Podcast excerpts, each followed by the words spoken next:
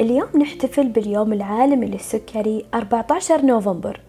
وهذه أول سنة لبودكاست أنسولين معاكم.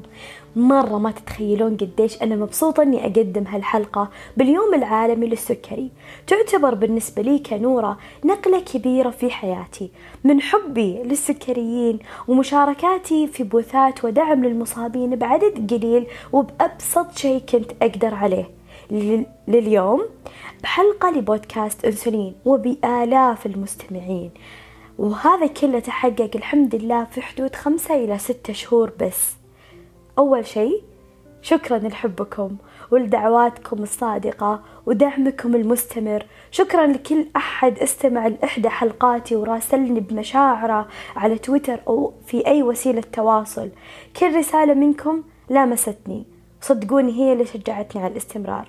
دائما بإذن الله بودكاست أنسلين معاكم وبكل أفراحكم واحتياجاتكم. طبعا شايفين أزمة البرد اللي مرت علينا كلنا. والحين وصلتني للأسف والحمد لله على كل حال. فأعتذر لو كان صوتي متغير عليكم شوي بس حصلت لخبطة في وقت التسجيل ويعني تعبت شوي. ما حسبنا حسابه بس صدق الحلقة هذه لازم تنزل باليوم العالمي للسكري بإذن الله.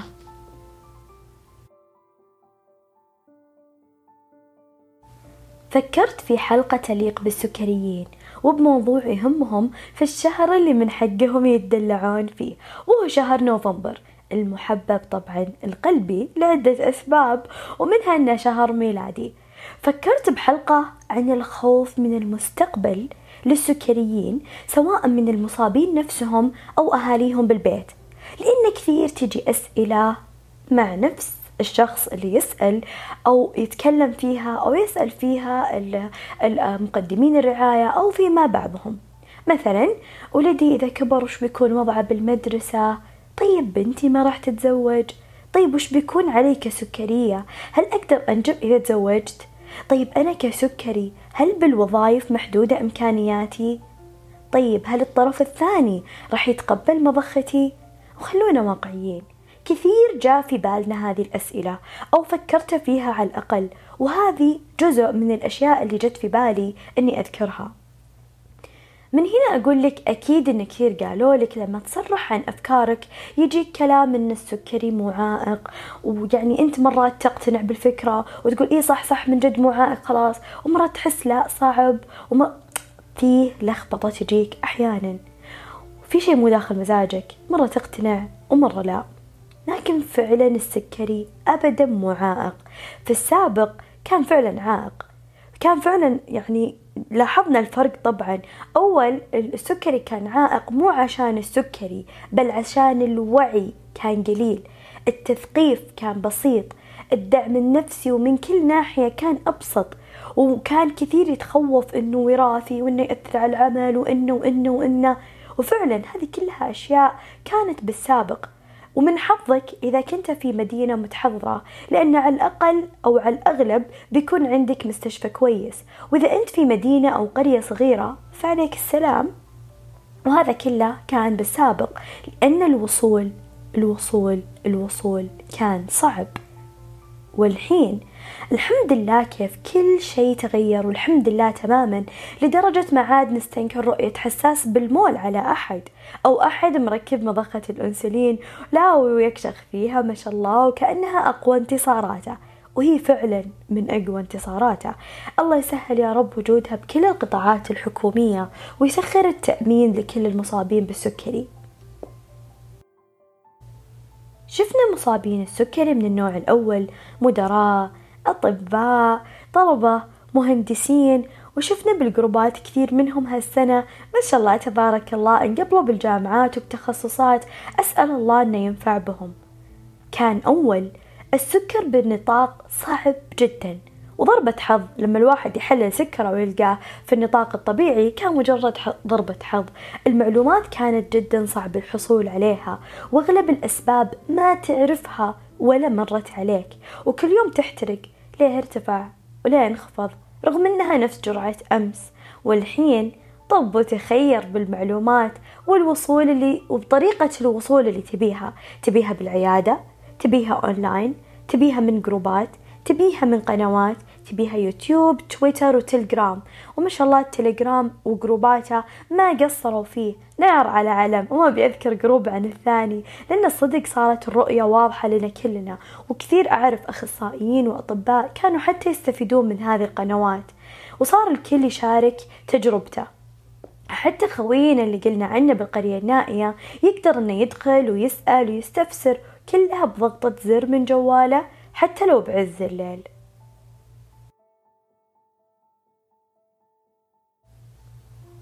وبحكم تواصلي مع المصابين بالعيادة بشكل شبه يومي صدق لاحظنا أن الوضع تغير. شرنا صرنا يعني الحمد لله نشوف كثير تطورت معلوماتهم يجونك بمعلومات نتعلم منهم يتعلمون منا. البحث الذاتي هو اللي فرق مع مصابين النوع الأول من السكري. أول كان الاعتماد مية بالمية أنك تكون متلقي فقط.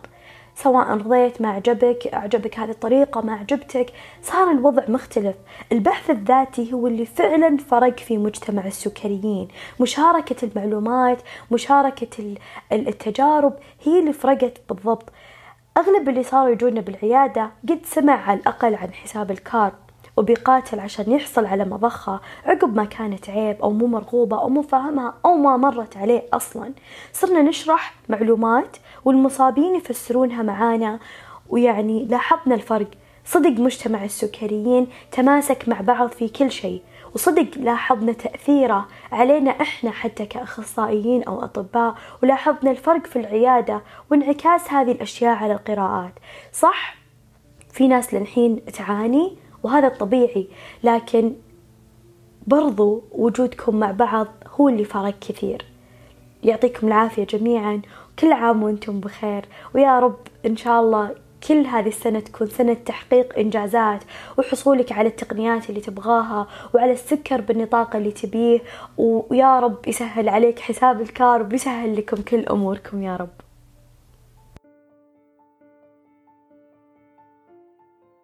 طبعا الصدق خفت شوي من الأطباء.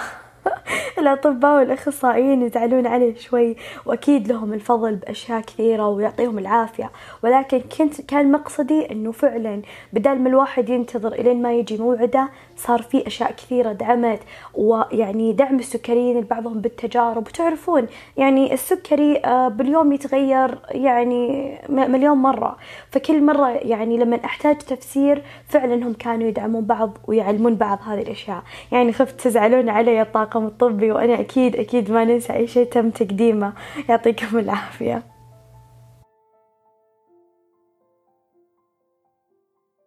أنا عايشة مصابة من 11 سنة طالبة في كلية الطب والجراحة وفعلا السكري مو عائق.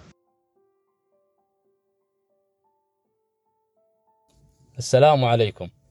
اسمي إبراهيم. أعمل كمحاضر جامعي. متزوج وعمري 33 سنة. تم تشخيص إصابتي بالسكري من النوع الأول قبل قرابة الثلاثة وعشرين سنة. السكري لم يكن عائقا لي سواء على الصعيد العلمي أو العملي.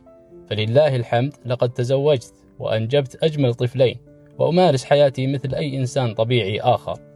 في مرحلة دراستي الجامعية تم تكريمي كوني الأول على دفعتي ولحصولي على مرتبة الشرف الأولى حيث تم استقطابي للعمل كمحاضر في نفس الجامعة. مع تمنياتي للجميع بدوام الصحة والعافية. بالنسبة للخوف من المستقبل وهو عنوان حلقتنا لليوم اخترت هالحلقة بالذات مع اليوم العالمي للسكري لأن أبي نبدأ كلنا صفحة جديدة سواء المصابين بالنوع الأول أو لو تبي تقيسها على أي خوف تواجهه بحياتك. شيء طبيعي يجي في بالك خوف وقلق من المستقبل وتأثير السكري على نفسك أو أطفالك. ولكن التوكل على رب العالمين والبعد عن هذا القلق هو الصح. التركيز على أن السكري ما يقل وقته بالنطاق عن سبعين بالمية يعتبر ممتاز وبإذن الله يقيك من أي مضاعفات وأي مشاكل وهذا حسب يعني آخر توصيات. إن جاتك أفكار وخوف من المستقبل في حياتك كلها أفرش سجادتك ووكلها لرب العالمين الرب الرحيم اللي ألطف فينا كلنا حتى من أنفسنا.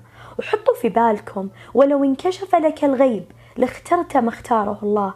فليه إحنا نشغل نفسنا بالتفكير في أحداث ما صارت ومستقبلية مستقبلية مرة كثير؟ خايفة من دراستي إنه يأثر علي خايف إني ما أتوظف بسبب السكري خايف إني أسوي كذا وما يضبط خايف خايف خايف خايف. ليه يروح عمرنا وإحنا خايفين؟ وفي مقولة يعني قريتها وأرعبتني وقيسها على عدة أشياء عندك. المقولة تقول وأخاف أن يفنى بنا العمر ونحن نتخيل. ليه يروح عمرنا وإحنا نتخيل؟ لا ونتخيل الأسوأ. ليتها بعد إحنا متوقعين شيء أحسن ونفكر لبعيد بشيء مو بيدنا. وكله في كتاب محفوظ. وننسى أن القدر موكل بالمنطق. فليه ما أحول على الأقل السلبية هذه إلى إيجابية كبيرة؟ منها أكتسب توكل على رب العالمين ومنها أريح لنفسيتك وطاقتك ومنها أنك تدرب عقلك الباطني على أنه يتخيل الأشياء الأفضل أو الأحسن لأن هذه الأشياء كلها تجرك للأشياء الصح والإيجابية بدل ما تسحبك للأشياء السلبية. يعني من الأشياء اللي تقهرني شوي شفت ناس ما شاء الله تبارك الله الزين العلم الرزانة العقل. وتقول والله يعني ودي أشاركك شي ضايقني شوي.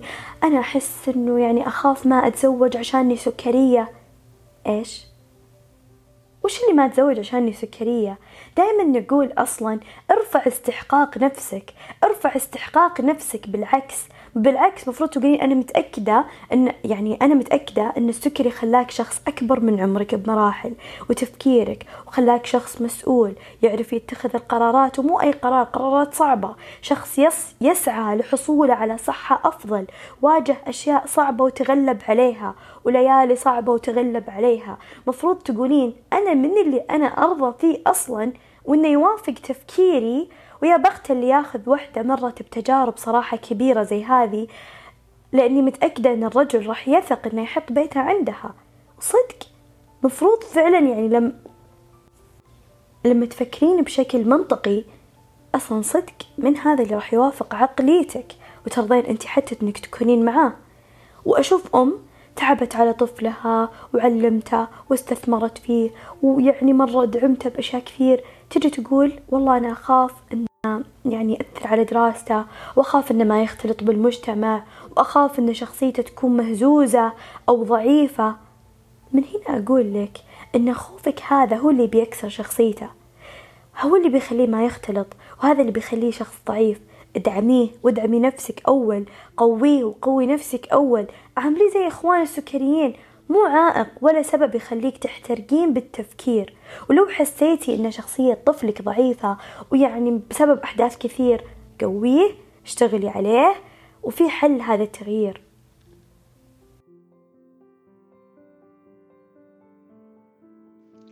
السلام عليكم. مرحبا أنا اسمي حنين ومصابة بالسكري من سنة وعندي مضخة تاندم حلوة. وفعلا السكري معائق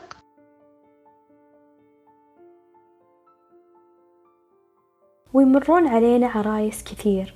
طيب آه فتكون مبسوطة بتجهيزها ويعني زوجها الحمد لله جاء زي ما تتمنى ويعني مرتاحة معاه. بعدين تجي تقول أخاف إني إذا بغيت أحمل بعد سنتين ما أحمل ما أقدر أنجب.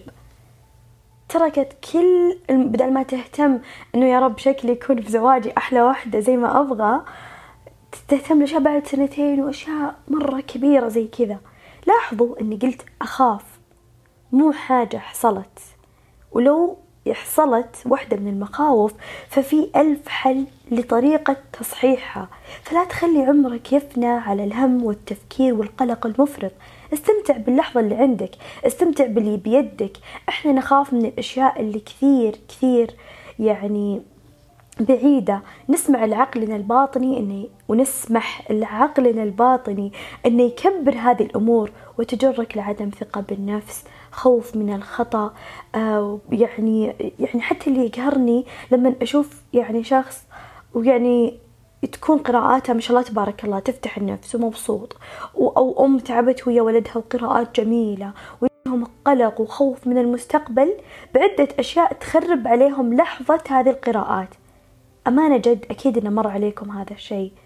إحنا من نقتل نفسنا بنفسنا. وأدري إنه صعب أحيانا إن الواحد يقاوم هذه المشاعر بس زي ما تدربنا إنها تصير نتدرب إننا نوقفها أو يعني نحولها إلى نقاط قوة. أنا أخاف لا أنا أتوكل على رب العالمين. أنا إذا كذا لا لا أنا عندي رب العالمين. أنا ربي ما رزق أنا متأكدة كل أحد أو كل أم أو كل شخص مصاب. ربي ما كتب لك هذا. يعني هذه الإصابة إلا وأنت قدها لأن الله لا يكلف لأن آه، لا يكلف الله نفسا إلا وسعها فهذا وسعك. فربي راح إن شاء الله يسهل لك الدراسة والوظيفة والأيام حتى لو مريت بأشياء صعبة مؤجر والحمد لله تخليك اليوم اللي بعده أقوى بإذن الله.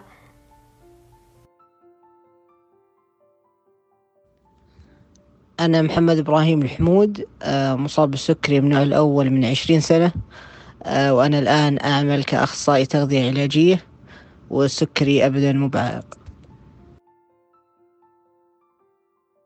مرحبا معكم السكرية ريم مصابة من سبع سنوات متكممة.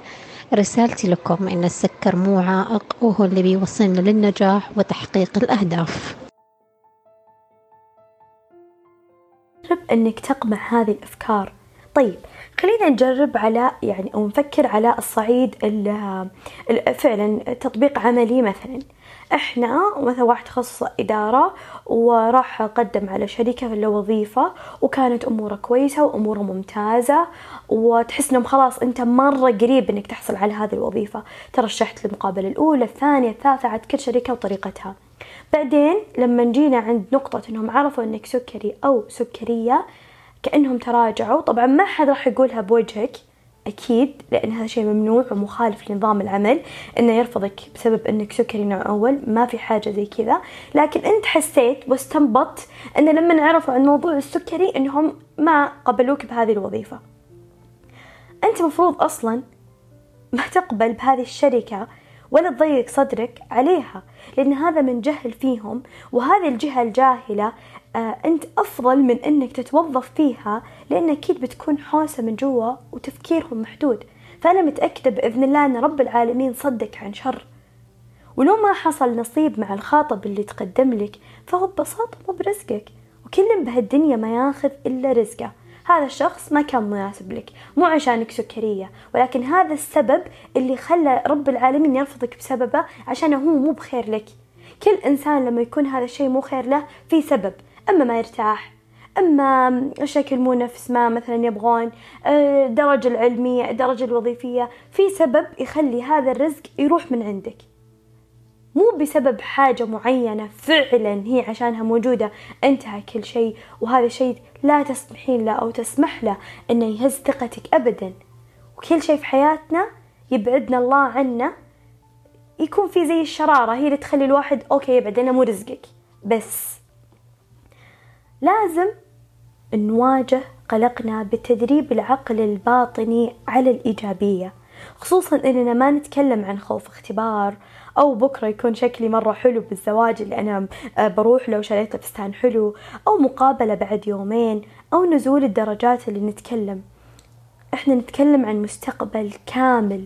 إحنا نحرقه بالتفكير ونخليه يأثر علينا بيومنا لدرجة يخلينا نفقد الأشياء الحلوة اللي بيدنا.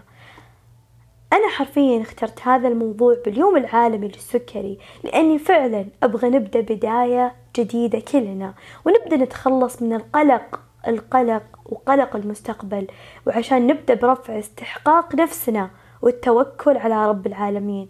وبصفحة جديدة نبدأها مع بداية سنة جديدة ويوم عالمي للسكري جديد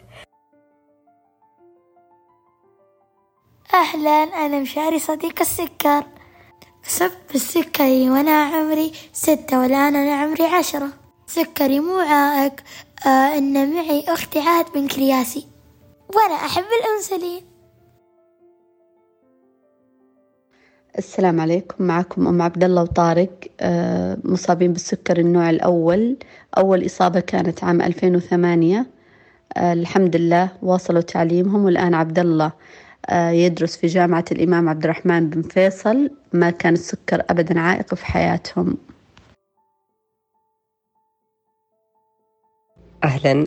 آه، أنا عبد الله مصاب بالسكر من ست سنوات تقريبا وأنا طالب قانون الحمد لله على وشك تخرج الترم هذا بمرتبة شرف وأبدا السكر ما أعاقني في دراستي ولا بحياتي الطبيعية الحمد لله. وصار شيء طبيعي الواحد يتعايش معه. أتمنى أن الحلقة أفادتكم وأثرت عليكم لو بشي بسيط ونبدأ إن شاء الله بصفحة جديدة من اليوم. طبعا كالعادة أحب أقول لكم أني أحب أسمع تعليقاتكم على الحلقة في حسابي بتويتر. تلقونا إن شاء الله في وصف الحلقة. والشيء الثاني أتمنى أنكم تقيمون الحلقة وتشتركون في البودكاست وترسلون الحلقة لكل من تحبون. وكل عام وأنتم بخير يا أصدقاء السكري. وزي ما دايما نقول في نهاية كل حلقة نتمنى لكم خط السعادة الدائم.